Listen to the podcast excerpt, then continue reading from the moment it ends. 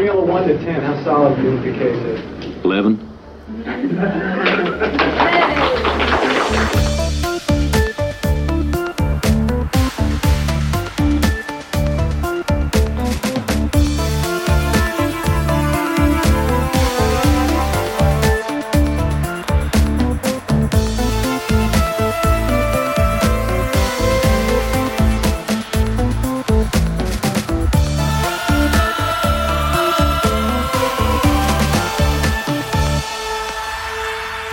Vacancy avsnitt 115.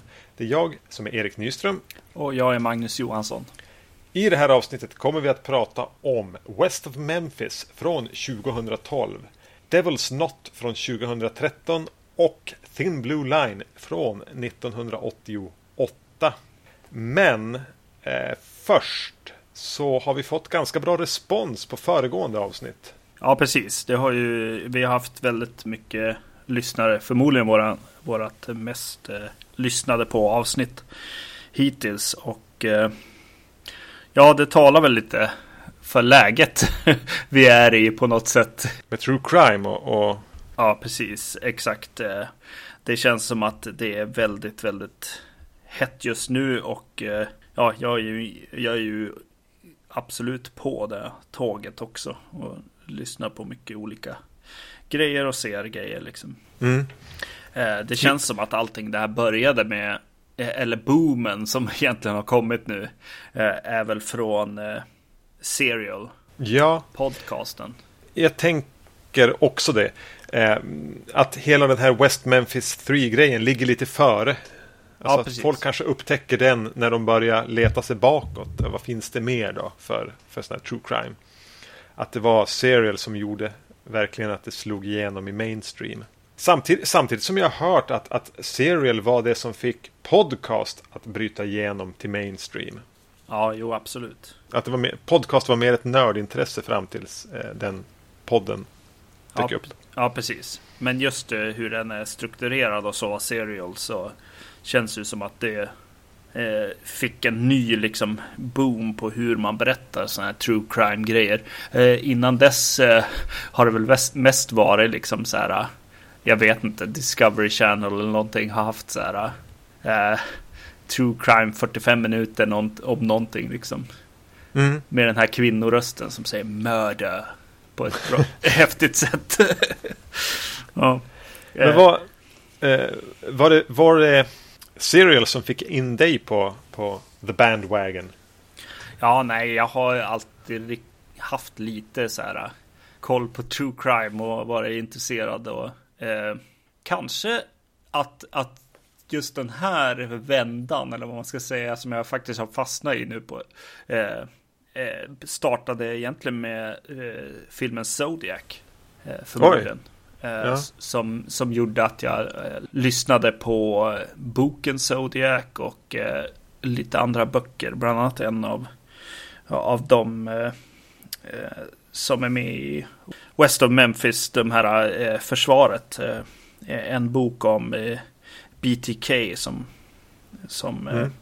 den här FBI-snubben som vi säkert kommer in på har skrivit.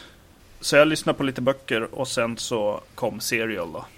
Eh, jag var, ganska, jag, jag var ganska sen in i det där. Jag lyssnade, eller jag lyssnade på Serial. Det var, var det hösten 14 den gick kanske? Ja. Jag lyssnade på den på, jag men, det var kanske snart ett år sedan jag började lyssna på den. Det var min så här, gå ut med barnvagn, barnet sover-podd. Ja. Eh, och det var lite grann för att vi redan då hade börjat smida planer på det här avsnittet. Ja, precis. Mm. Så sa du, ja men då skaffar vi oss lite bakgrundskunskap i, i, inom true crime. Ja. Så då fick jag lite läxor. Det var bland annat Serial, The Jinx. Ja, precis. Ja, det var nog dem. Eh, precis, The Jinx kom ju sen då. Eh, ja, efter Serial gissar jag. Eh, den är väldigt eh, uppbyggd lite grann likadant med lite cliffhangers och att inte mm. berätta hela historien utan lämna, lämna bitar liksom. Som kommer i nästa avsnitt och så vidare och så ska man bara lyssna vidare liksom. Som Serial gjorde fantastiskt bra och The Jinx också. För den som inte vet det så är ju The Jinx en, en eh, var det, sex avsnitt lång eh, tv-serie på HBO. Exakt. Och eh, sen så kom ju även Making a Murderer som har varit väldigt poppis på Netflix. Ja, det har väl nästan varit den som har blivit mest poppis. Alltså efter Serial. Men alltså den har, eh, vad jag har lyckats, om jag ska stämma av vibbarna i mina flöden, så är det den som många pratar om. Många är förbannade på någon advokat eller åklagare eller vad det då är. Och jag har inte sett Making a Murder. Jag har inte hunnit dit eller tagit mig dit. Nej. Eh, ja, men det, jag tror att det är att det är Netflix och att Netflix är någonting man prenumererar på liksom. Eh, I Sverige kanske mer än HBO. Eh, ja. där, där du för övrigt kan se eh, Paradise Lost filmerna som vi pratade om i förra avsnittet. Jag vet inte om vi ja, sa på det HBO då. alltså. Mm. Ja, precis. HBO Nordic har dem. Och uh, The Jinx då, som jag tycker personligen är en betydligt bättre serie än Making a Murderer. Så The Jinx är en jätterekommendation.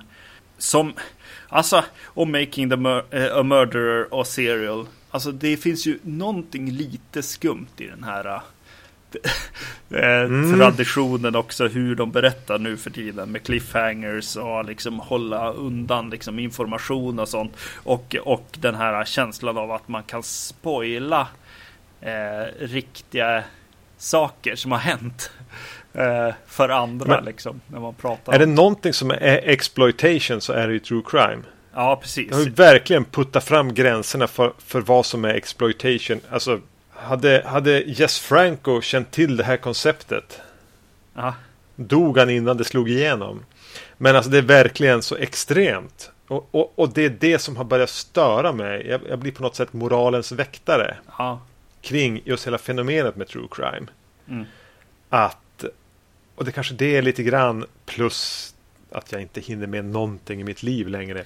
som har hindrat mig från att se Making a Murderer. Ja. Att ska vi verkligen göra liksom eh, popcornunderhållning av verkliga människors lidande och, och inte ens bara göra det i alltså att film, göra en, en based on a true story. Nej. Utan, utan det här är the true story. Ja, precis. Oh. Eh, och i vissa fall har det då blivit så att ja, men, Making a Murder eh, jag, har, jag har väl en, ett hum om vad det handlar om. Eller eh, Serial också. Ja att den här serien eller podden eller vad det då handlar om blir på något vis de här eh, oskyldigt dömda människornas chans till frihet. Eh, mm. De måste betala med sin historia för att få chans till rättvisa. Ja. Bara det är någonting som smakar ganska illa i, i, i, i munnen.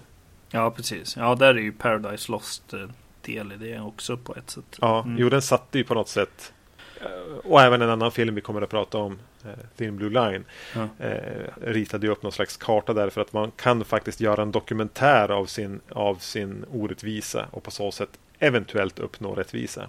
Precis och ja, exakt. Ja, ja det är en svår svår balans där. För det är verkligen som att i alla, i många av de här fallen är det ju det som har krävts verkligen också. Ja. Eh, för du det är så väldigt, verkar vara så väldigt, väldigt enkelt att sopa folk under, under mattan och liksom få en, ja, att folk blir liksom, lite statistik på något sätt. Mm. Att det är skönt att få någon bakom fängelset eller, eller till och med eh, ja, av, avrättad då. Eh, mm. Man har det här behovet av att se någon straffas för någonting som är så fruktansvärt att man inte riktigt kan hantera det. Precis, som vem som så helst. Så tar man första okay. bästa. Ja. ja men, Okej, okay, samtidigt om man, om man ska se Paradise Lost eller The Jinx eller Serial eller Making a Murderer som, som, som media, och det är det ju, så är ju men det kallas ju inte tredje statsmakten för intet. Liksom. De ska ju granska makten. De ska ja. ju nosa upp sådana här typer av oförrätter och släppa upp dem i ljuset och se till att sak, jag menar, få till en förändring. Aha.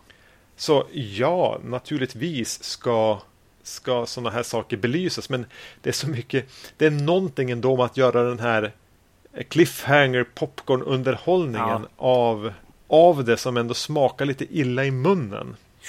Ja, det blir ju precis. Det blir ju verkligen show business på ett sätt också av det här. Definitivt. Och, och uh, ratings liksom uh, jagande liksom. Uh, Precis, min, min felaktigt dödsstraffdömde bror fick inte tillräckligt bra ratings så han blev faktiskt avrättad. Ja, exakt. Ja. Medans eh, Adnan eh, får sådana här eh, hearings hela tiden för att han, han, han verkar folk gilla. Ja, precis. Eh, det blir ju Ja, det är väl när det blir underhållning av allt det här som det känns Känns lite underligt liksom. Då kanske, kanske en, en mer torr liksom 45 minuters resumé där de inte riktigt går på djupet alls är, är ibland lite mer ärligt kanske. Ja. Uh, ja. För, för, mig, för mig blev det lite så att jag var tvungen att leta i de här olika dokumentärerna efter det som gör att de, att de har ett värde utöver bara att de gör en Agatha Christie eh, eller Dan Brown roman av verkligheten. Ja. Alltså, alltså att de måste ha något som gör att de står på egna ben som ett konstverk. Det, när vi pratade om Paradise Lost-trilogin så framförallt första filmen är ju så fruktansvärt kraftfull i den här nakna råheten i hur den skildrar allting. Och att vi kommer så nära allting. Att det ja. blir en nästan unik upplevelse. Så, så, så, den kan jag som på något sätt ge en sign of approval på grund av, eller tack vare det. Och om vi då ska titta på en, en serie som The Jinx. Redan där börjar jag känna att jag är ute i så här grumligare vatten. Vad är det egentligen som ge, gör att den här att det är okej okay att visa upp den här gamla farbrorns avhuggna fot i tv och göra göra eh, bladvändare av hans död. Mm. Finns det någonting, finns det något så här, verkshöjd, något konstnärligt värde? Jag får svårt att hitta det i Jinx. Möjligtvis med undantag för att den här, han som blir intervjuad. Ja. Han är ju vansinnigt fascinerande att titta på. Mm. Han är ju, han känns som eh, William Friedkin ungefär. Tänkte jag på hela tiden när jag såg de intervjuerna. Ja, just det. Uh, mm.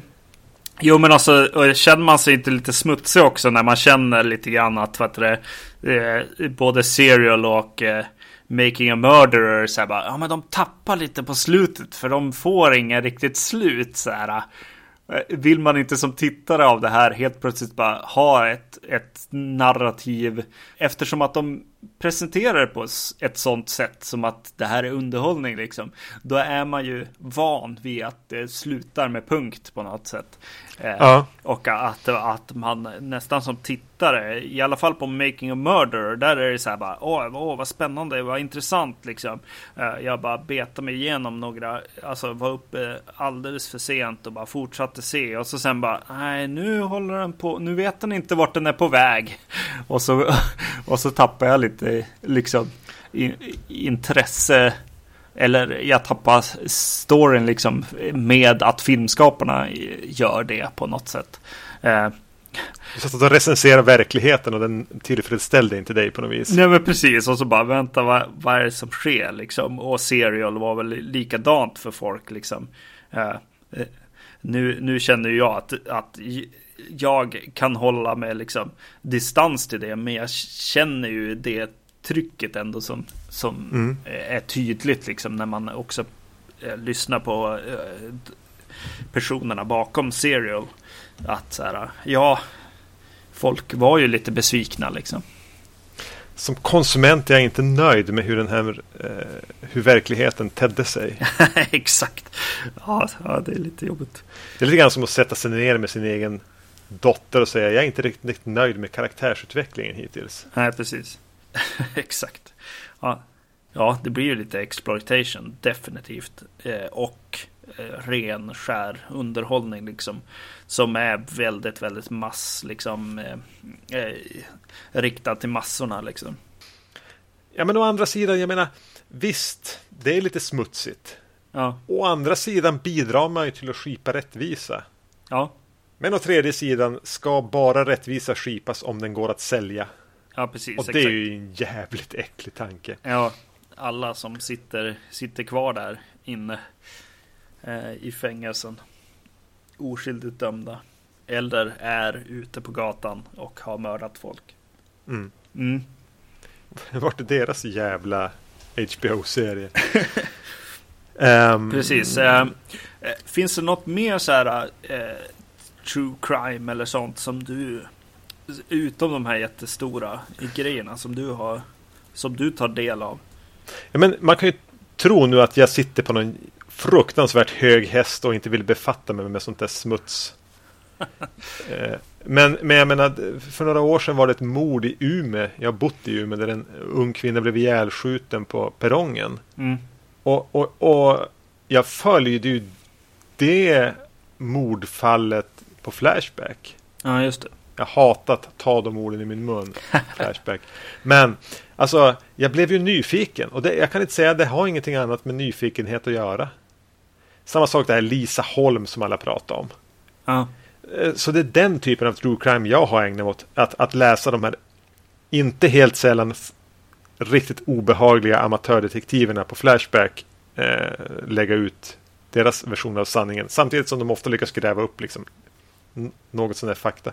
Det är så jag har följt true crime utöver de vi, vi har nämnt nu. Ja, just det. Eh, Making a Murder har jag som sagt var inte sett. Nej. Eh, på podcastfronten så finns det ju en, en svensk eh, serial. Nej, jag vet inte. Men eh, det heter Spår. Ja, Anton Berg. Han som heter som chokladen och som jobbar på P3 Dokumentär. Som är ganska duktig. Ja, där lyssnade jag på första fallet som jag faktiskt hade följt i, i pressen också. Ja, det hade jag missat. Jag, jag, känner till spår, jag har vag koll på vilket fall det gäller, men jag har aldrig tagit mig för att lyssna på den faktiskt. Det är de här bröderna som bodde ute på Fyrsan och ja, ja. Eh, och eh, sen så lyssnar jag på en podcast som är jäkligt, alltså. den är inte politiskt korrekt kan jag säga. det är eh, när de här eh, högprofil eh, komikerna som eh, vad heter han, Seinfeld och de är, är, lite sura på att allting ska vara politiskt korrekt eh, och eh, man inte kan göra humor längre liksom. Eh, då, då kan man gå och lyssna på eh, Last Podcast on the Left heter den. Eh, som gör alla stora seriemördare eh, podcast om. De gör lite research och sen så skojar de friskt eh, om eh, de här fallen medan de går igenom hela liksom, händelseförloppen. Eh, ibland pratar de om, om ufon och paranormala grejer också, spöken och annat. Eh, men för mig är det mest de här seriemördaravsnitten som är så här. Ja, du får researchen men du får också väldigt, väldigt vidrig eh, humor. Eh, som jag vet inte. Spontant Känns det inte som något jag kommer att lyssna på här uppe på min jätte, jättehöga häst? Nej, det är inte en rekommendation till, till dig, definitivt inte. Uh, ja, och knappt till mig liksom, men ibland så, ja, jag vet inte. För mig ser jag förbi en del av de här grejerna och ibland är de roliga liksom, på riktigt. Och så sen så, ja, tycker jag ändå att de är, är lite intressanta för de gör verkligen sin research också på det. Jag kanske kan lyssna på något av dem där när de pratar om ufon. ja, ja, jag vet inte faktiskt. ja, men ja, det finns där ute. Ja, ska vi gå in på filmerna? Ja, men vi kanske gör det. Och då börjar vi med West of Memphis från 2012. I regi av Amy Berg. Just det.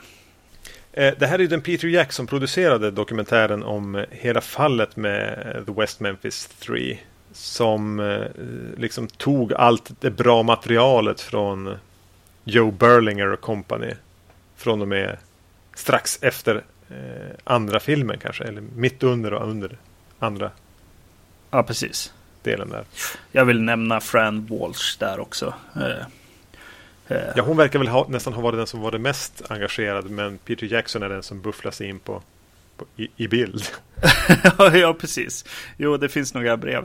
Men å andra sidan så är ju inte hon eh, så mycket för kameror verkar det som. Hon är inte med så mycket på extra, eller överhuvudtaget, jag vet inte. På extra material till eh, Sagan om ringen och så vidare som hon ju hon har, har skrivit tillsammans med Peter Jackson.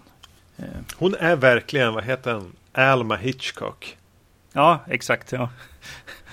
Och med det menar jag inte att göra någon som helst eh, likhetstecken mellan Peter Jackson och Alfred Hitchcock. Däremot möjligtvis mellan Fran Walsh och Alma Hitchcock. Ja. Ja, det här är ju eh, eh, storbudgetversionen av eh, kanske framförallt sista delen av Paradise Lost-trilogin. Ja, precis. Där de tar ett omtag om hela serien. Mm. Två och en halv timme. Ganska minutiöst genomgång av vilka som är inblandade. Fallet som sådant. Eh, de juridiska kringelikrokarna.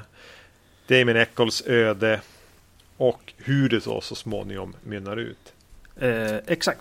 Och jag eh, sa väl i förra avsnittet var jag väldigt eh, ske skeptisk till den här och, och just att det, det kändes som att de blev liksom av med eh, det de egentligen satt upp på något sätt eh, med eh, Paradise Lost eh, och, eh, och syftade på den här filmen. Eh, men jag kan börja känna att den här filmen ändå lutar sig väldigt mycket på Paradise Lost och att, eh, att den tar för givet på något sätt att man har sett Paradise Lost, egentligen filmerna allihopa. Så för mig så känns det Ja men till exempel hur de använder klipp från rättegången som är helt annorlunda mot för de som eh, är med i Paradise Lost. Alltså att de ja. verkligen eh, gör, gör en poäng av att vara en del egentligen av eh, helheten på något sätt. Det blir som ett, den här filmen blir som ett slags eh, extra material nästan till Paradise Lost. Det känns som att de vill vara det också. Eh, vilket jag inte, inte kände av första gången jag såg den här, utan det kändes lite underligt som att det var två so saker som eh, tävlade mot varann på något sätt. Ja, jag känner väl två saker som säger samma sak. Eh, men tänk så här då, det var Emil, känd från Titta de snackar, som skrev det här. Om det var till mig i något sammanhang. Han såg den här först, hade inte sett Paradise Lost-trilogin. Mm. Sen såg han Paradise Lost-trilogin och tyckte den var helt ovidkommande. Ja, just det. Så jag menar, ser du den här först så vet du redan allt. Eh, hur upplever man då eh, originalet, om man ska få kalla det för det, ja. Jo, det är ju en resumé liksom av allting liksom. Men den är ju betydligt mer eh, riktad åt, alltså viktad åt ett håll liksom. Att, att man följer ju egentligen kampen för att få de här eh, frikända på ett helt annat sätt än, än de andra filmerna gör. Får man inte lite grann känslan av att man följer Peter Jacksons kamp för de här? Jo, ja och, och eh, Eddie, Eddie Weather, heter han så? Ja. Eh, Abs absolut. Eh. Det blir lite kända män som sitter och, och, och, och brinner för någonting. I en sjukt polerad dokumentär. Ja, precis. Ja.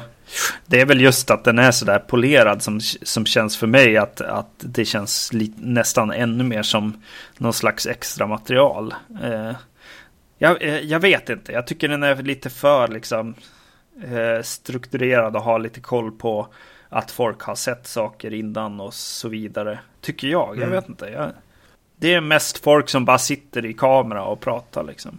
Eh. Jag har jättesvårt att, att se den här separat i och med att jag såg den så tätt inpå de andra. Att, att jag återvände till Paradise Lost-trilogin och, och, och framförallt såg den eh, tredje delen i den för första gången.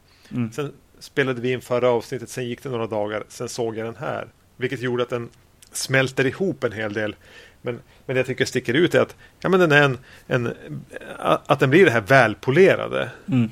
Som inte vill uppröra någon riktigt. Nej.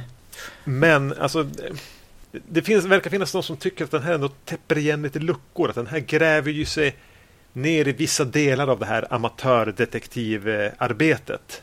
Och presenterar lite ny teknisk eh, bevisning eller kanske vissa spår som man helt valde att jag gissar av dramaturgiska skäl eh, utlämna i, eh, i eh, Paradise Lost-trilogin. Ja, precis. Ja. Igen, extra material. Sånt som blev bortklippt liksom. Ja. Eh, sen, ja, djupdykningar de gör tycker jag ändå är lite intressanta. Särskilt i början när de börjar så här. Eh, de fokuserar lite mer på, på satanism och kultaktiviteter och eh, hur, att många såg Damien som någon som höll på med ritualer och, och grejer. Det finns liksom folk som eh, kommer ut och, och vittnar liksom eh, i intervjuer om hur, eh, ja, hur mörk och hemsk han är och vad, mm. vad han gör och sånt.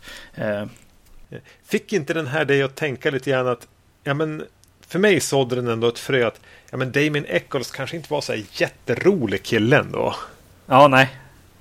Eh, han blir ju på något sätt ganska uppmålad som den här stackars oskyldiga 18-åringen i Paradise Lost-trilogin. Vilket han ju är. Absolut.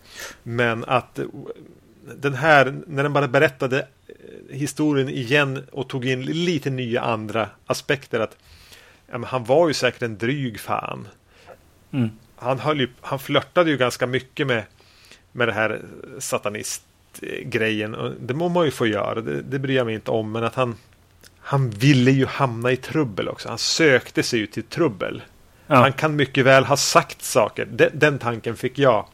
Eh, det var ju några unga tjejer som vittnar mot honom. Han, där han säger att han har, eh, i princip bekänner de här brotten. Att han har mördat de här pojkarna. Ja. Han kan mycket väl ha sagt det bara för att han var en sån posör. Ja, det känns ju lite så. Det känner man ju lite, lite i de andra filmerna också. Att eh, eh, saker som man säger är Ja, är som sagt, ja, som du säger, som en posör. Ja, precis. Jo, vem tror honom när han sitter och säger att han har valt att byta namn till Damien? Han heter ju något annat egentligen, oviktigt för det. Eh, för att det var någon katolsk eh, präst som hette det. Alla vet ju att han har tagit Damien från, från Omen-filmerna. Ja, precis. det, är så det är så pinsamt uppenbart. Men det är klart att man säger det i rätten. Herregud vad jag skulle ljuga där. Ja, precis. Ja. Men, men den här hjälpte som till för mig att nyansera. Ja, men det här var en posör. Det här var en Gothard-posör. Som kanske inte var världens trevligaste kille alltid. Nej. Det fanns en anledning att folk valde att peka fingrarna mot han. Och det var inte för att han var en, så snäll. Nej, precis. Det hjälpte West of Memphis mig ändå med att nyansera bilden. Mm, mm, mm. Uh, och sen tyckte jag att det var intressant att uh, Miss Kelly här uh, som erkände eller som har det där falska erkännandet. Att de äh, djupdök lite mer i det. Förklaringen av hur äh, falska erkännanden äh, går till och, och så vidare. och sen att de visar lite mer från hans rättegång och, och att han hade liksom många, många alibi vittnen. Mm. Som vi inte riktigt fick se så mycket av i, i Eh, Paradise Lost-filmerna. Ja, men de antyder ju där att ja, men jag var ju på så wrestling. Ja, ja precis. Ja. I en annan stad. Bara, hur, det ska ju vara väldigt, väldigt lätt att styrka tycker man. Och det gjorde de ju i under ja. rättegången. Och de styrker ju det. Ja, precis. Men eh, de lyssnar inte på det, vad heter det, eh, juryn. Eh, och eh, sen så kommer det ju också intervjuer med vittnen som pekar ut eh, Eh, de här gärningsmännen. Eh, och eh, ja, han som pekar ut Jason Baldwin bland annat. Som, som har suttit i fängelset nu ett, från förra avsnittet tror jag vi pratade lite om honom. Jag vet inte, han är med i Paradise Lost i alla fall. Och, mm. och säger att han har erkänt och Ja, ja, han erkänner för någon i fängelset. Ja, precis. Någon risig snubbe. Ja, precis. Och den här risiga snubben kommer ju ut här då och berättar helt klart att han bara ljög och eh, försökte komma undan sina egna liksom, problem med polis och så vidare. Eh, och eh, samma sak med en kvinna som, som eh, pratar om satanistmöten med Damien Eccles. Som också är så lite skrämd av polisen och känner att så här, ja, det är nog bäst att jag hjälper till här, vilket ju till och med går så långt att hon eh, tar med sin son och eh, ja, den men... sonen får berätta en massa uh, vittnesmål här om, om eh, att eh, den sonen var med också. Eh, ännu till han, liksom, Han var typ den fjärde pojken. Ja, precis, exakt. Ja, ja det är jätte... Så, sånt där som de helt valt att lyfta ut från Paradise Lost. Mm. en, ännu en sak som är så här lite intressant med Paradise Lost tycker jag. Jag tycker att det är en film som inte riktigt vet vad den har. Nej. Lite grann, utan den visar bara en rättegång. Ja. Eh, på, på de här satanisträttegången på, i, på något sätt. Lite, lite eh, har de att säga om att eh, att så här, har man en Metallica t-shirt och eh, svart hår så är man liksom eh, utpekad. Eh, definitivt, det har de ju med. Men, men ja, ja, den här tar det ett varv till. Ja, exakt. Eh, och det, det gillar jag med den här filmen också. Eh, att man får se det. Eh, sen, sen är det ju bara massa om arbetet med att få dem frikända och så vidare. Och ja, ett definitivt ett starkare liksom, finger pekar, pekas mot eh, Terry Hobbs. Ja, gud ja. Som gärningsman. Eh. Man undrar hur hans liv ser ut alltså, nu när vi sitter här och spelar in det här avsnittet. Vad gör Terry Hobbs? Ja. eh, vet du vad som berörde mig ändå mest med West of Memphis? Det jag tar med mig från den, eh, och det är en liten parentes i den egentligen. Ja. Och det är en karaktär som, som kliver fram ur skuggorna lite grann. Kanske mest för att när de här morden begicks så var hon väldigt, väldigt liten. Och det är ju Amanda Hobbs. Ja, just det. Ja. Eh, en lilla syster till, till den mördade, vad är det, Stevie Branch eller? Ja, precis. Just det. Ja. Eh, alltså, te, och, däremot Terry Hobbs dotter. Ja. Är en halvsyster till, till den mördade pojken. Ja. Eller ja, det är inte viktigt. Hon är när den här spelas in i 25-30 års åldern skulle man uppskatta. Ja. Och jättetrasig. Och jättelik sin mamma. Ja. Det är verkligen som att se den här eh, redneck-mamman från första filmen som står och säger Am I on TV? Ja. Eh, igen, fast i HD och med, med missbruksproblem. Ja, precis. Eh, det, det, drar ju tyvärr över i det här exploitation-området. När man, vi ska tvingas sitta och se hennes eh, eh, terapi. Ja, jag gissar att Peter Jackson går in med lite pengar där för att sätta henne framför en, en, en dyr terapeut och filma det. Och se vad som händer. Ja, och det, det känns ju lite äckligt. Men, men hela hennes uppenbarelse som en trasig missbrukare med fruktansvärt bagage Ja, exakt. Eh, det är svårt att värja sig för. Man blir ganska berörd av att se henne. Ja. Eh, just kanske för att hon är så lik sin mamma så minns man allting som hände i första filmen om man ska säga så. Ja. Så det är Amanda Hobbs jag minns från West of Memphis. Det är det riktiga guldkornet med, den, med, med, med de här 150 minuterna. Mm. Jag blir ju... Ja, det är definitivt. Det är knappt som man vill liksom prata om det. Det känns lite som att filmen också vet att så här, oj, det här är... Det här är lite för starkt för den här polerade historien. Ja, ja precis. Uh, någonting som jag, som är för mig liksom, punchlinen på något sätt är väl två saker egentligen. Uh, det är ju att han, uh, domaren här, David Burnett, mm som vi får, eh, som vi har ju följt lite grann då i Paradise Lost. Eh, och att, att han aldrig liksom låter eh, de få, få komma till rätten igen, liksom gör allt vad han kan för att eh, inte låta de här eh, komma loss liksom. Eh, och även i redan då vid tiden har bestämt sig egentligen för att de här ska dömas känns det lite, lite grann som i, i eh, med tanke på vilka som berättar den här historien kanske man inte riktigt kan ta allt sådär. man, man får lite känslan av att för han är det även ett politiskt eller ett karriärbeslut. Ja, det är det ju. För han har andra ambitioner. Ja, precis. Och det är värt att, att, att låta folk dö eller sitta hela sitt liv i fängelset för det liksom. För egna eh, liksom sin egna karriär liksom. Eh, och det är hemskt. Och sen så tycker jag ju att, vet du, alltså rent så här, eh, amatördeckaren i mig tycker att det är häftigt med, häftigt, jag säger det. Ja. För att det är just den där amatördeckare-grejen som, som känns lite fånig liksom. Och det är ju att Stevie, Stevie Branch kniv som tydligen fanns i Terry Hobbs ägo. Och, och mamma Hobbs tycker ju att det är väldigt, väldigt underligt. Mm. För att det skulle ju, det var en kniv som Stevie alltid hade med sig liksom.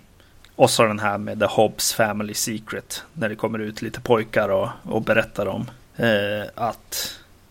Att folk har erkänt det. Ja, precis. I Hobbs-familjen så, så känns det som att de vet. Alla vet liksom.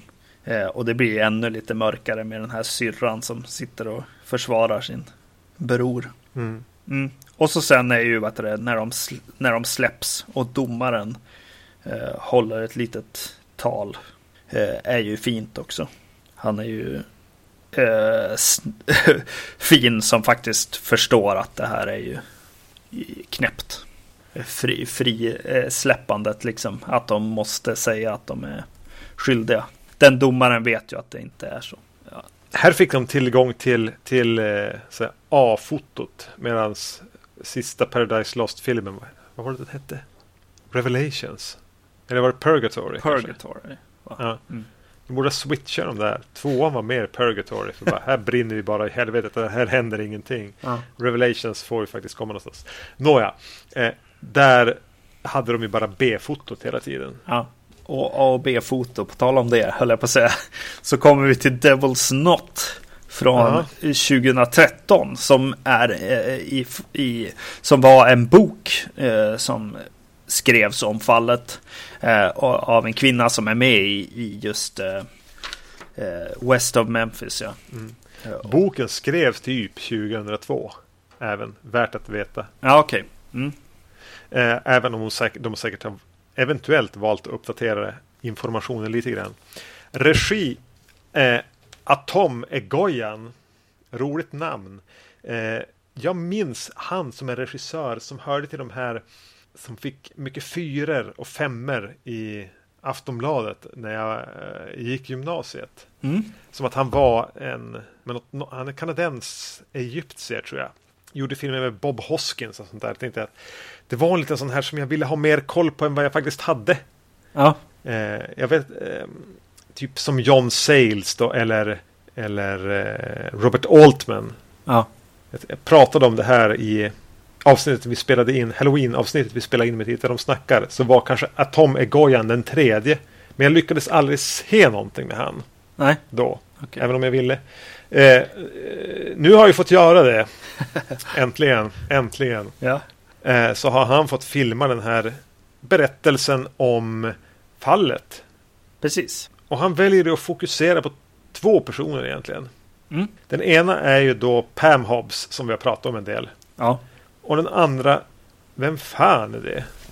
Ja, precis. Colin Firth, ja. Han heter Lax. Heter han Ron Lax? Ron Lax hette han då, ja. ja. Uh. Han, är, han, är, han glimtar förbi i, jag tror det är West of Memphis. Ja, just det.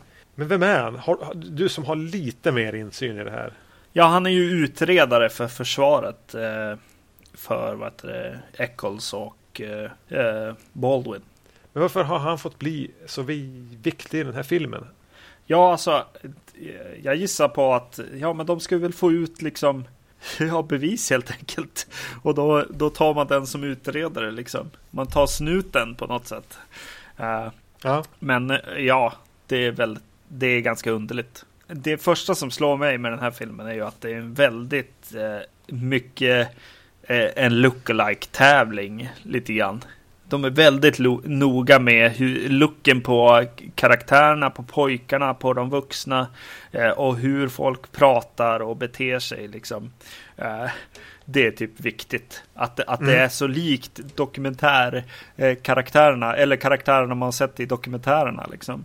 Eh, men det leder ju till en del riktigt jävla dåliga skådespelarprestationer. Ja. menar, Kevin Durant som spelar då Mark Byers. Mm herregud. Tur att han gör, alltså med tanke på hur stor han är i Paradise Lost-trilogin. Ja. Så har de ju någonstans insett att det här fungerar ju inte. Det där blev för mycket. Han, är, han det... står i bakgrunden och blir intervjuad och låter liksom i den här filmen. Ja, ja men de har, de har väl förstått att och, och klippt ner hans roll antar jag. Eller bara Så valde de inte att fokusera på. Men Kevin Durant är väl typ en... Han var med i Lost och var, spelade så här thug till skurkarna där i någon säsong. Och då vet jag att jag läste in mig på att han är typ en ståuppare eller så här komiker. Kanadensisk rolig kille ja. som är jättestor. Ja. Alltså stor som i att han är jättelång. Ja, just det. Um, det var väl de egenskaperna han hade. ja. Eh, men även han som spelar Damien Eccles. Eh, inte så här fotolik, men han är ju jättedålig. Han är väldigt, väldigt dålig. Ja, James Hamrick heter han. Jag skrev ner namnet, så dålig var han. ja.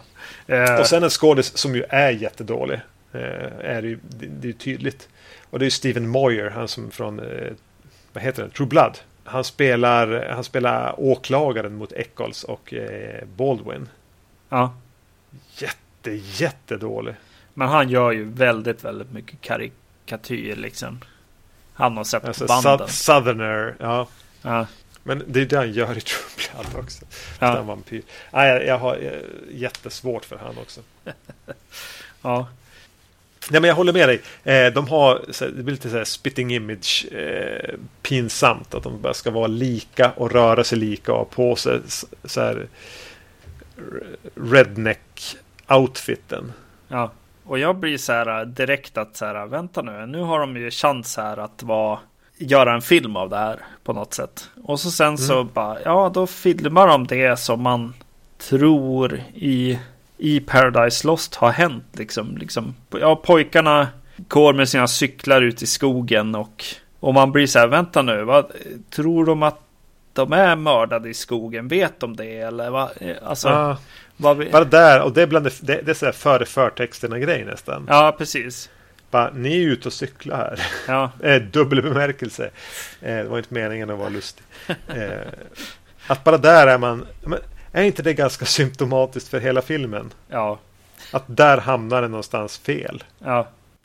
Ja. Och så eh, finns det ju någonting då i hur man har gjort den här filmen rent tekniskt. Eh, är ju att det här är ju en tv-film. Mm. En, en, stor punkt i mina anteckningar står det tv. Ja. Eh, jag tänkte på, vad heter den? Eh, när, när efter 9-11 gjorde de ju några filmer. Eh, då kommer den som heter United 93 tror jag. Som var biofilmen. Och så kommer det strax före en som heter Flight 93. Ja, just det. Som var den som gjordes för tv. Ja. Om samma händelse. Det här är Flight 93. Ja. När kommer den riktiga då? Ja, precis, exakt. Det är alldeles för mycket färg och alldeles för lite gryn och grit i, ja. i en sån här historia. Alltså allvarligt liksom. uh, här ska man ha ett, liksom ett lager skit och, och mörker och ja, gryn uh, i sin film. Liksom. Allt ser väldigt trevligt ut. Ja. Jag skulle köpa alla de där husen. Ja. Jag skulle kunna tänka mig bo där. Ja. Eh, och sen väljer den ju, för mig blir det väldigt problematiskt att den väljer att måla upp två Jesusgestalter här. Två hjältar, eh, ofelbara, kloka, goda. Och det är då den här Ron Lax, då, spelad av Colin Firth. Ja. Nej, han är inte bra han heller. Nej. Colin Firth är ingen dålig skådis. Han är ju engelsman för tusan. Men här, nej, det här skulle han inte tagit. Och den andra är då Pam Hobbs av någon anledning. Ja, just det. Eh, spelad av Reese Witherspoon. Mm. Eh, men jag säger ingenting om det. Jag tycker inte Reese Witherspoon är inte dålig här. Nej. Eh, men det, det, är någonting som känns så fruktansvärt skevt med att använda sig av de här två karaktärerna som de vi ska följa genom den här historien och se som våra hjältar. Det känns så slumpmässigt. Ja, alltså. Och onyanserat. Ja, alltså ja precis. Här är problemet på något sätt. Att så här. man presenterar. Alltså för mig så kände jag hela tiden bara. Men presentera karaktärerna som ni kommer att använda i filmen. Låt eh, pojkarna leva en stund innan eh, filmen liksom kommer igång. Eh, låt vad heter det den här pojken leka med sin kniv som är så viktig liksom. Låt mm. han, han liksom eh, skära en skulptur eller tälja någonting eller vad som helst. Och... Skära halsen av sin katt, vilket förmodligen var vad han gjorde med den. Ja, men exakt. Eh, visa liksom de här karaktärerna. Och, och om ni ska ha den här breda persongalleriet som ni har i den här filmen, eh, låt, låt dem bli presenterade. Eller så tar ni och djupdyker i liksom den här pojken, den här mamman, Terry mm. Hobbs. Vad hände egentligen? Spekulera lite grann. Vad fan, ni är en film liksom. Låt folk liksom eh, stämma er. Låt Terry Hobbs stämma er i slutet av filmen liksom. Eh, när filmen går upp liksom. Eh, ni kan berätta den här historien liksom. Ni kan berätta om Damien Eccles. Ni kan låta dem leva i Arkansas. De, de kan jaga orm och lyssna på Metallica. Eh, det är liksom, du behöver absolut inte vara i rättssalen i den här filmen. Vis... vi sluppit Steven Moyer också. Ja. ja, visa de här karaktärernas att de är oskyldiga genom att låta dem bara göra vad de gjorde innan. Kanske ha med erkännandet mot slutet och arrestera, alltså arrestera dem. Gör det som sista liksom eh, punchline i filmen. Eh, du, du har liksom, du har film. Det här är på, på låtsas. Du kan berätta vad de säger. Men i den här filmen så går de bara in och så, och så vet det, återskapar de det de har sagt. Alltså genom att de säger det igen. Mm. Visa istället. Det är det som är filmmediet. ja, det är verkligen, ja. Ja, den är fruktansvärd. Den lyckas inte berätta någonting. Den vågar ingenting. Nej, precis. Och, och, att göra det 2013, då var de ju redan frikända va? Jo, gott och väl. Ja, var 2011 va? Ja. Eh, och, och ja, den kommer liksom året efter West of Memphis som var en ganska tillrättalagd historia och den lyckas ändå vara mycket, mycket mer edgy än den här och det är ändå en dokumentär. Ja, ja nej det är verkligen eh, synd att det här är så jäkla tillrättalagt och framförallt att det bara är en dramatisering av, av liksom det vi redan har sett. Liksom. Mm. Och om man inte har sett det så vill man väl ändå ha en historia om ett om några pojkar som blir dödade och hur det kan ha gått till liksom. Och sen hur eh, ett gäng ungdomar kan bli åtalade för det och, mm. och satta i fängelset liksom. Eh, bara för att de är eh, emo-ungdomar. ja, och som sagt, ja, men... alltså, visa lite Arkansas grit liksom. Den kommer väl den filmen? Tror du inte? Tror du inte att filmen kommer? Nu har vi sett tv-filmen. Ja, just det. Ja, um, jag vet att jag var inne och kikade av en slump på Monty Hellman. Alltså han som gjorde Two-Lane Blacktop och sånt där. Och då, han är över 80 80 och på hans upcoming projects så fanns en film som hette West Memphis 3. Jag hoppas väl inte att det blir han som gör den men det, det verkar ju cirkulera en del manus i Hollywood ändå kring den här historien. Den här är då baserad på en bok som publicerades 2002 med lite snabba tillägg. Det här var ju den de kunde få ut snabbt ja. gissar jag. Eh, nu kanske man vill vänta tills folk har glömt den här historien. Ja, uh... Men det är två saker ändå. För, för att ta upp två. En sak som jag tyckte var intressant och en sak som jag tyckte var bra. Ja.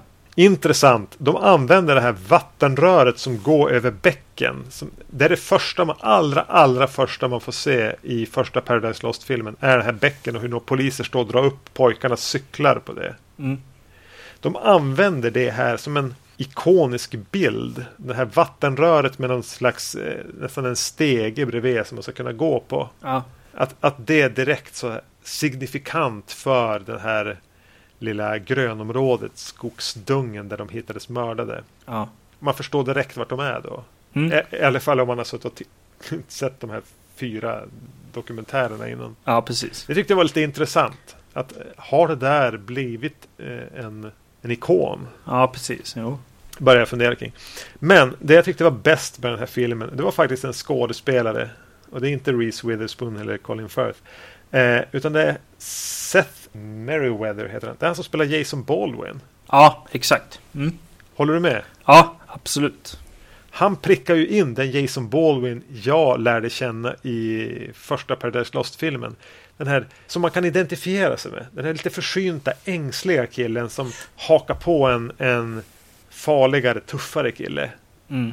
Och, och, inte alls fattar vad som händer. Och, folk står och skriker och vill att han ska dö. Ja, jag tycker att han, han gör en bra prestation. Jag har ingen aning om vem den här Seth Meriwether är. Men det var det jag tog med mig från den. Ja, absolut. Ja, Jason Baldwin överhuvudtaget är det som jag tar med mig av, av eh, de här liksom genomtittarna av de här filmerna liksom.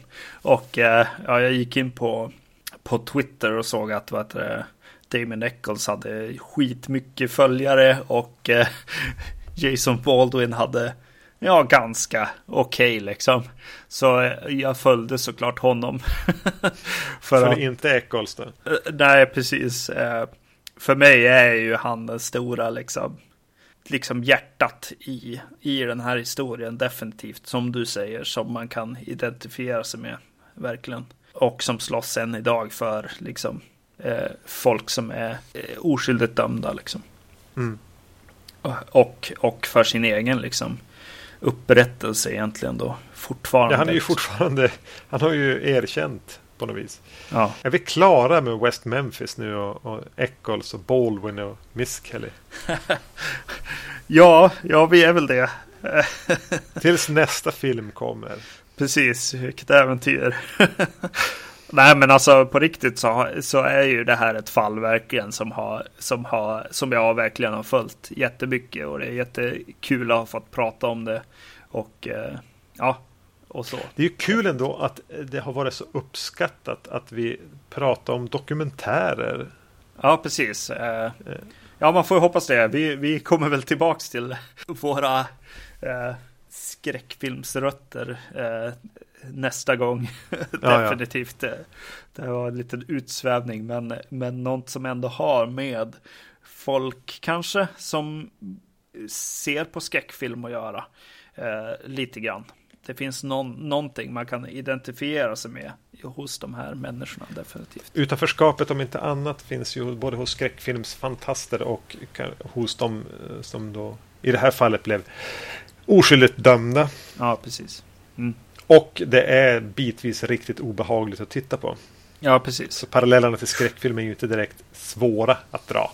Nej, precis. Och, eh, och även, ja, som du säger, liksom identifieringen, liksom. Att så här, just den här, oh, varför ser du på sådana där filmer? Bara den, liksom. Mm. Grejen som ändå dyker upp ibland, liksom. Hur, hur, hur ska du kunna, liksom, uppfostra dina döttrar eller så. ja. ja, det kommer lite närmare den man själv är på ett sätt också. Ja, precis.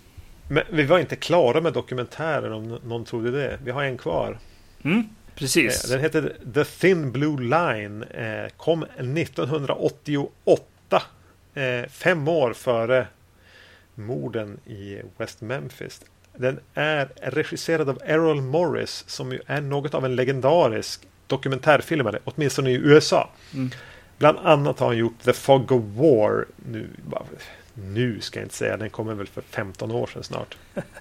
En krigsdokumentär och även en som jag har hört talas om mycket som handlar om typ en djurkyrkogård.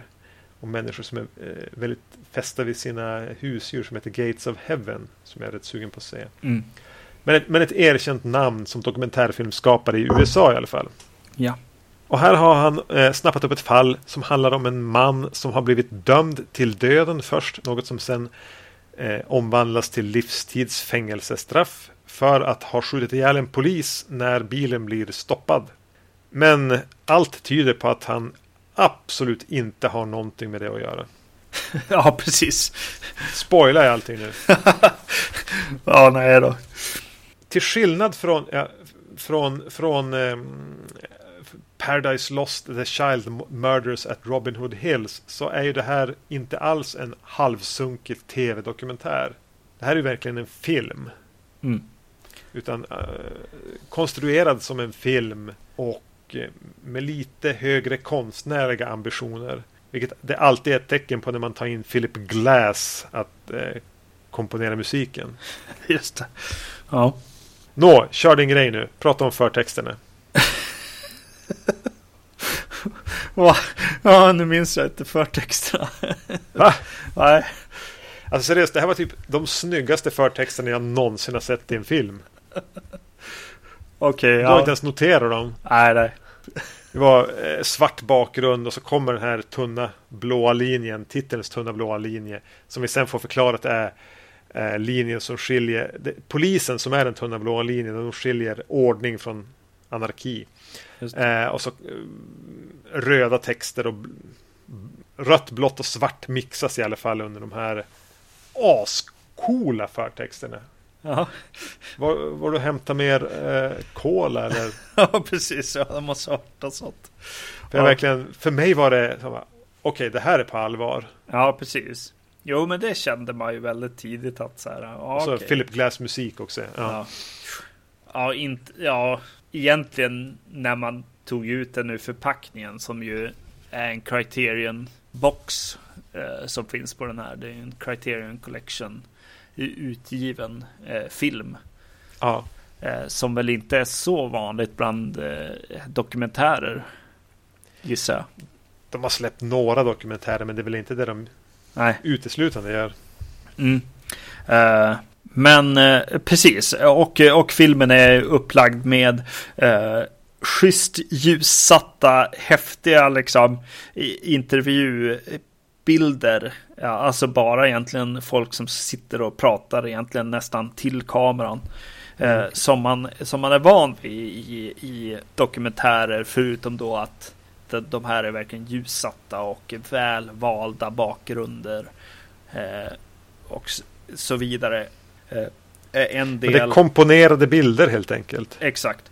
Och så sen så eh, är den ju uppbyggd då med eh, rekonstruktioner eh, som hela tiden visar eh, olika vinklar på vad som kan ha eller synvinklar på vad som kan ha hänt under eh, kvällen eller den här eh, skottlossningen helt enkelt.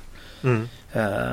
Som... Men vi får lite olika personers perspektiv, på, lite olika vittnesuppgifter, olika personers berättelser om vad som hände och så får vi se lite olika variationer på den här rekonstruktionen. Ja, eh, precis. Och eh, det kanske var därför jag inte eh, skrev så mycket om, eh, om förtexterna och eh, inte riktigt heller såg greppet för, eh, i början av den här filmen. För att jävlar vad de här poliserna som eh, blir intervjuade skyll, skyller på den här partnern som åkte i bilen tillsammans med han som har blivit skjuten.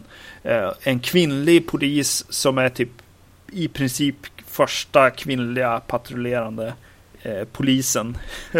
mm. Eh, det är en av hennes första, hon har inte jobbat länge heller. Nej, precis. Mordet här begicks, jag tror det var 76 som, som, som de här händelserna inträffade. Ja, precis. Mm. Och eh, de här jävla gubbarna sitter eh, snutjävlarna. det brukar jag inte säga ofta eftersom att jag har viss respekt för, för polisyrket. Definitivt. Men alltså, okej, okay, jag säger gubbjävlarna istället. Ja. Sitter här och snackar jävla skit om den här eh, kollegan som de har. Alltså de är ute efter att hänga någon för att de har skjutit en kollega. Och så sitter de själva och hänger ut en, en ja. kollega. Eh, väldigt, väldigt passivt aggressivt. Ja, precis. Sluta jävla snacka skit. Eh, hennes vittnesmål är inte underligt alls. hennes partner har just blivit skjuten. Eh, hur många gånger har de här gubbarna eh, tagit liksom nummerplåtar och sett exakt vilken modell av en bil eh, de ser och eh, vem som är i förarsätet och så vidare när deras kollegor just har blivit skjutna. Det undrar jag. Mm. Jag blir jättefrustrerad över det här tidigt i filmen här. Yes, nog om det kanske. Jag vet inte. ja, vi kan gå vidare kanske. Uh, grejen med den här filmen är ju egentligen att det är två stycken personer som har, de som är under liksom luppen för att vara skyldiga till det här är uh, två personer. En, en äldre 28-åring som är... Randall Adams heter han. Mm. Ja, precis. Som uh, och en, en yngre 16-åring som heter David Harris. Mm som egentligen sätts emot varandra här. För de har i princip samma historia över kvällen. Fast med en liten tidsskifte och en, en ganska stor eh, sak som är olika då i, i att vet den här unga mannen, eh, 16-åringen David Harris, eh, eh, berättar en historia om hur de är ute och festar och eh, eh, blir stoppade av polisen och eh, den äldre Randall Adams som sitter i förarsätet tar upp en pistol och eh, skjuter den här eh, eh, polisen så fort som den kommer till bilen. Mm. Eh, Medan Randall Adams själv då berättar ungefär samma historia att de har varit ute och han har han har blivit upplockad va? Ja, Randall är som en han är som Rambo i första Rambo-filmen, lite av en drifter. Eh, precis, han, han äh, har äh, fått slut på bensin och går längs äh, vägen och liftar och får följe med David Harris då och de, ha, de är egentligen är ute på en partykväll egentligen. De dricker typ öl och röker marijuana och går, åker på en drive-in bio. Och ser typ två filmer som jag omedelbart blev jätteavundsjuk på att jag inte har sett. ja, exakt. Ja. Verkar, alltså verkligen Midnight Movie sleaze eh, från ja, 75-76 där någon gång. Just det, exakt. Mm. Och eh, eh, ja, sitter och dricker öl där och eh, Randall blir lite illa till mots av någon av filmerna. Han tycker inte riktigt om den så han vill åka därifrån. De åker till ett hotell tycker han då och eh, han blir avsläppt och eh, säger att nej tyvärr du får inte sova i rummet eftersom att min brorsa är där och han eh, brukar inte tycka om sånt här. Vad det nu innebär egentligen, mm. kan man ju undra. Eh, men eh, Eh, ja, precis. Och medan då eh, David Harris anser att den situationen händer egentligen efter mordet då. Mm. Eh, att han släpper av Randall vid, vid motellet här. Så vem gjorde det egentligen? En, en, en fråga som... Ja, som, som liksom återkommer liksom och så berättar eh, olika vittnen, eh, eller det dyker upp vittnen också. Mm. Ja, ja. Men det är vittnen och det är åklagare och det är advokater och det är poliser. Och... Som berättar om vad som har hänt liksom under kvällen och man får hela tiden då komma tillbaks till den här landsvägen och se eh, olika versioner av den, de här händelserna liksom. Mm. Vilket egentligen alltid slutar med att det är Randall som är den skyldige för att de de intervjuar anser det. Mm. De flesta. Men det dokumentärfilmen är lite grann är ute efter är väl att visa det orimliga i att det skulle vara han. Ja, precis. Och det är ju en, en jäkligt häftigt eh, sätt att berätta det här på. Att, ja. att visa för oss och, och så, så lite frön liksom. Hur, ja, hur kan det verkligen ha hänt så här? Och alla som körde förbi och när körde de förbi liksom? Eh, ofta är det folk som kör förbi precis när polisen är vid fönstret. Men de hör inte pistol eller revolverskotten eh, liksom. Mm. Det är någonting som inte stämmer med vad som hände och så vidare. Och det får man liksom presenterat så här, eh, i rekonstruktioner. Eh, någonting som den här filmen eh, fick emot sig när, när det var Oscarsdags faktiskt. Att, att eh, de här rekonstruktionerna liksom, eh, det ansågs att den inte var nog av en dokumentär för att vara nominerad som dokumentär. Bästa dokumentärfilm.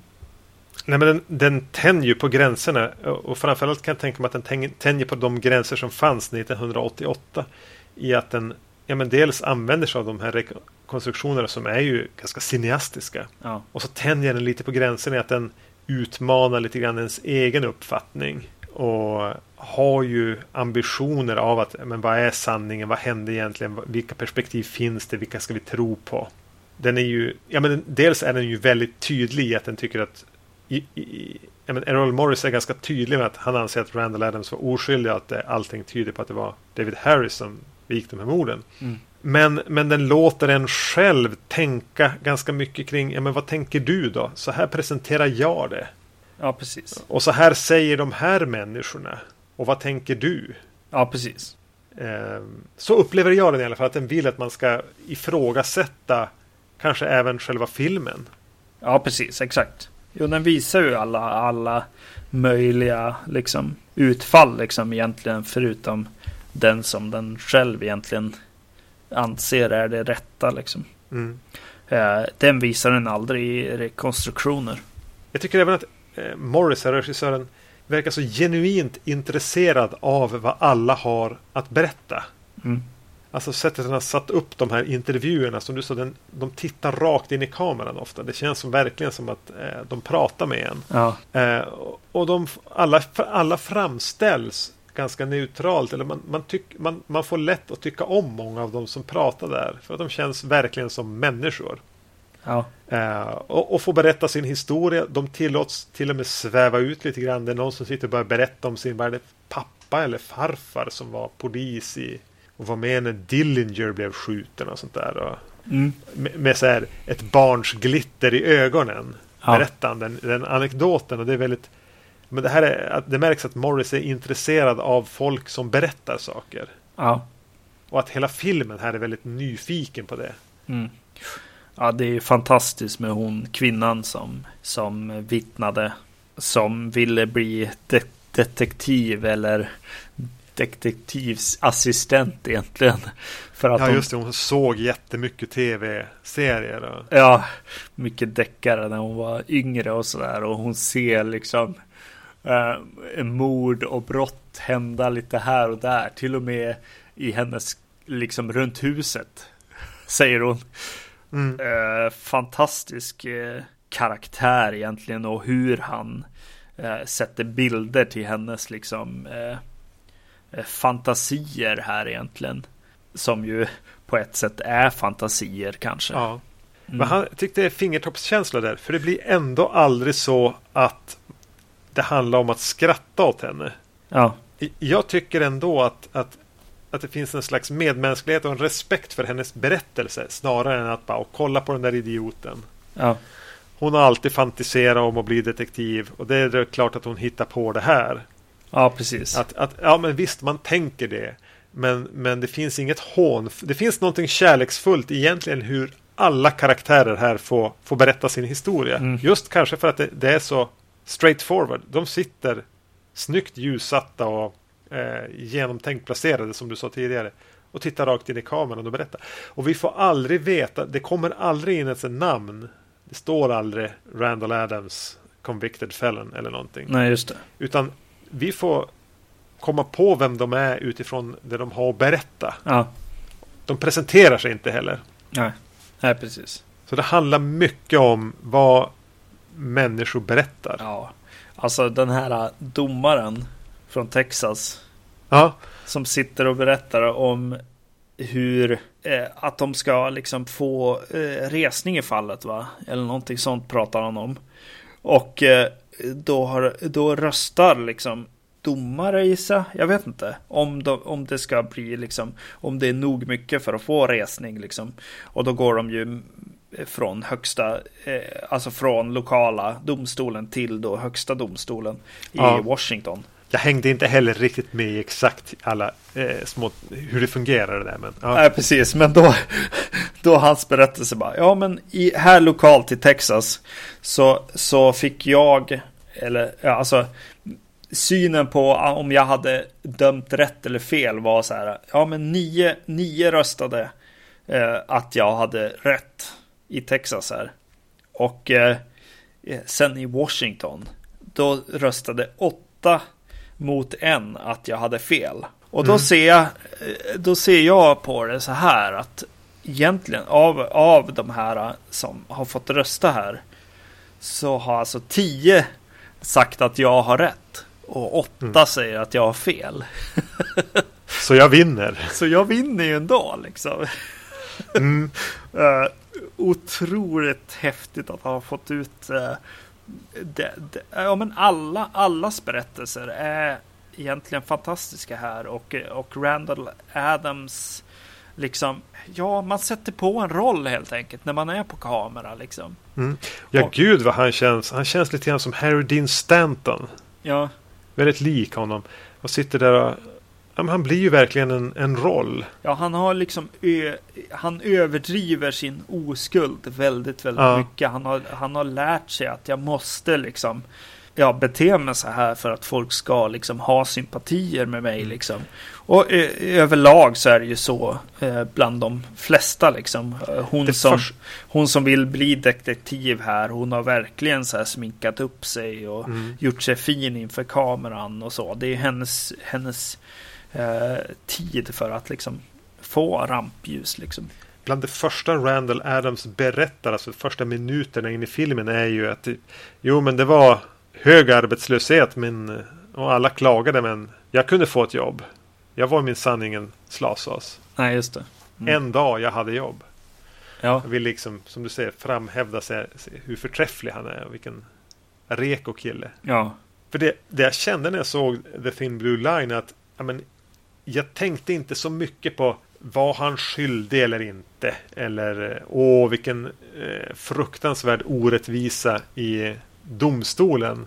Utan man blir mer, jag blev mer tagen av det här som ett helt koncept, den här filmen. Ja. Berättelserna, foto, eh, bara liksom känsla för hur man ska skapa en dokumentär som även lyckas få en att inte bara tänka på åh vilket irriterande fall utan även bara sugas in i, i berättandet. Ja, så på så sätt kan jag väl hålla med. Men, nej, men det kanske inte är helt och hållet en dokumentär. Det kanske är för mycket. Han är för bra, Morris, på, att, på, på att lyfta sakerna över materialet. Att det blir någonting mer. Och då kanske det inte är en dokumentär längre. Nej, just det.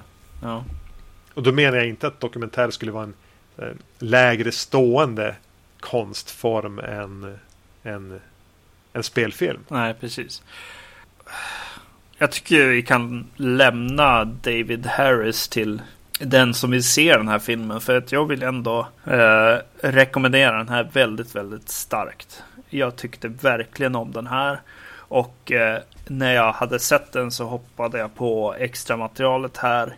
Och, ja, det har inte jag sett. Och där finns det en intervju med Errol eh, Morris. Och eh, ja, det blev lite man crush på honom alltså. Eh, han är väldigt, väldigt eh, häftig person alltså. Eh, en, en man som vill, vill göra film, men eh, har inte, får inte riktigt chansen och pengarna liksom. Så att han tar jobb som privatdetektiv och eh, jobbar med en Eh, en eh, vad, vad som låter som en, en, en känd eh, privatdeckare liksom och eh, eh, jobbar som det liksom tills han börjar snubbla på det här och eh, börjar göra den, den här filmen liksom. Mm. otroligt bra intervju också. Så om man, om man har regionsfri eh, spelare så kan jag tycka att eh, man köper den här uh, Criterion Collection-utgåvan för att se också den eh, intervjun. För att han har mycket intressant att säga precis som alla i den här eh, filmen. Han har, eh, man får liksom hans eh, syn på det hela eh, också. Jag blev jättepeppad på att nosa upp fler av hans dokumentärer och då var det just The Fog of War som har en lång undertitel också med något namn i sig. Och eh, Gates of Heaven som, som stack ut.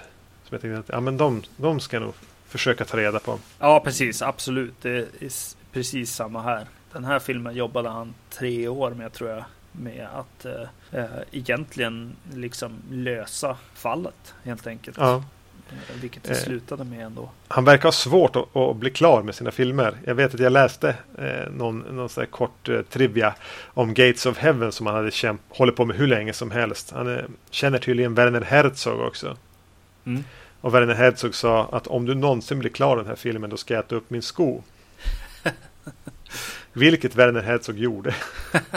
Såklart. Ja, det är klart han gjorde. och jag fick hem en Werner Herzog-box idag. Ja, härligt. Ja, mm. ah, shit. Ja, nej, absolut. Se The Thin Blue Line. Om ni inte ja, har men gjort den, det. För mig får ju den, eh, det här true crime, om man nu ska använda sig av den benämningen, verkligen att den lyfter det till att bli konst. Ja. Utan att vara artsy-fartsy. Exakt, ja absolut. Och eh, ja, om vi bara ska prata om det här avsnittet så är det ju absolut den, den bästa filmen. ja, tveklöst. Ja. Mm. Ja, det är ingen tävling ens. Nej, nej, precis. Du, vi, vi, vi, valde att avsluta det förra avsnittet i förtid med rädsla att det skulle bli långt. Det blev rätt långt det här också. Så ja. jag tänker att vi, vi, vi stannar här någonstans. Ja, precis. Men kan vi inte göra ett längre avsnitt nästa gång då? Ja, försöka göra ännu längre den här gången. Ja, okej. Okay. Ja, vad ska vi göra då? då? Eh, alla fyra Scream-filmerna. Just det, det blir Screamathon nästa gång. Ja, och, eh, det blir skräckfilm i alla fall. Ja, precis. Och eh, eh, om, om det inte blir långt nog, om bara vi två pratar så har vi en gäst också. Som är Emil från Tittar de snackar. Precis. Eh, det ska bli riktigt skoj och, och eh, götta ner sig i den där 90-tals och 2000-tals eh, sagan. I väntan på det så hittar ni tidigare avsnitt och eh, annat på vår hemsida vacancy.se. Vi finns även på iTunes och eh, lite andra olika typer av eh, leverantörer av podcasts. Ni kan även mejla feedback, förslag, kritik, hat, kärlek till podcast at vacancy.se eller leta upp oss på Facebook där man också kan kommunicera med oss. Ja, precis. Ja, Filmfenix finns vi också på. Men eh, vi hörs! Det gör vi. Hej! Hej!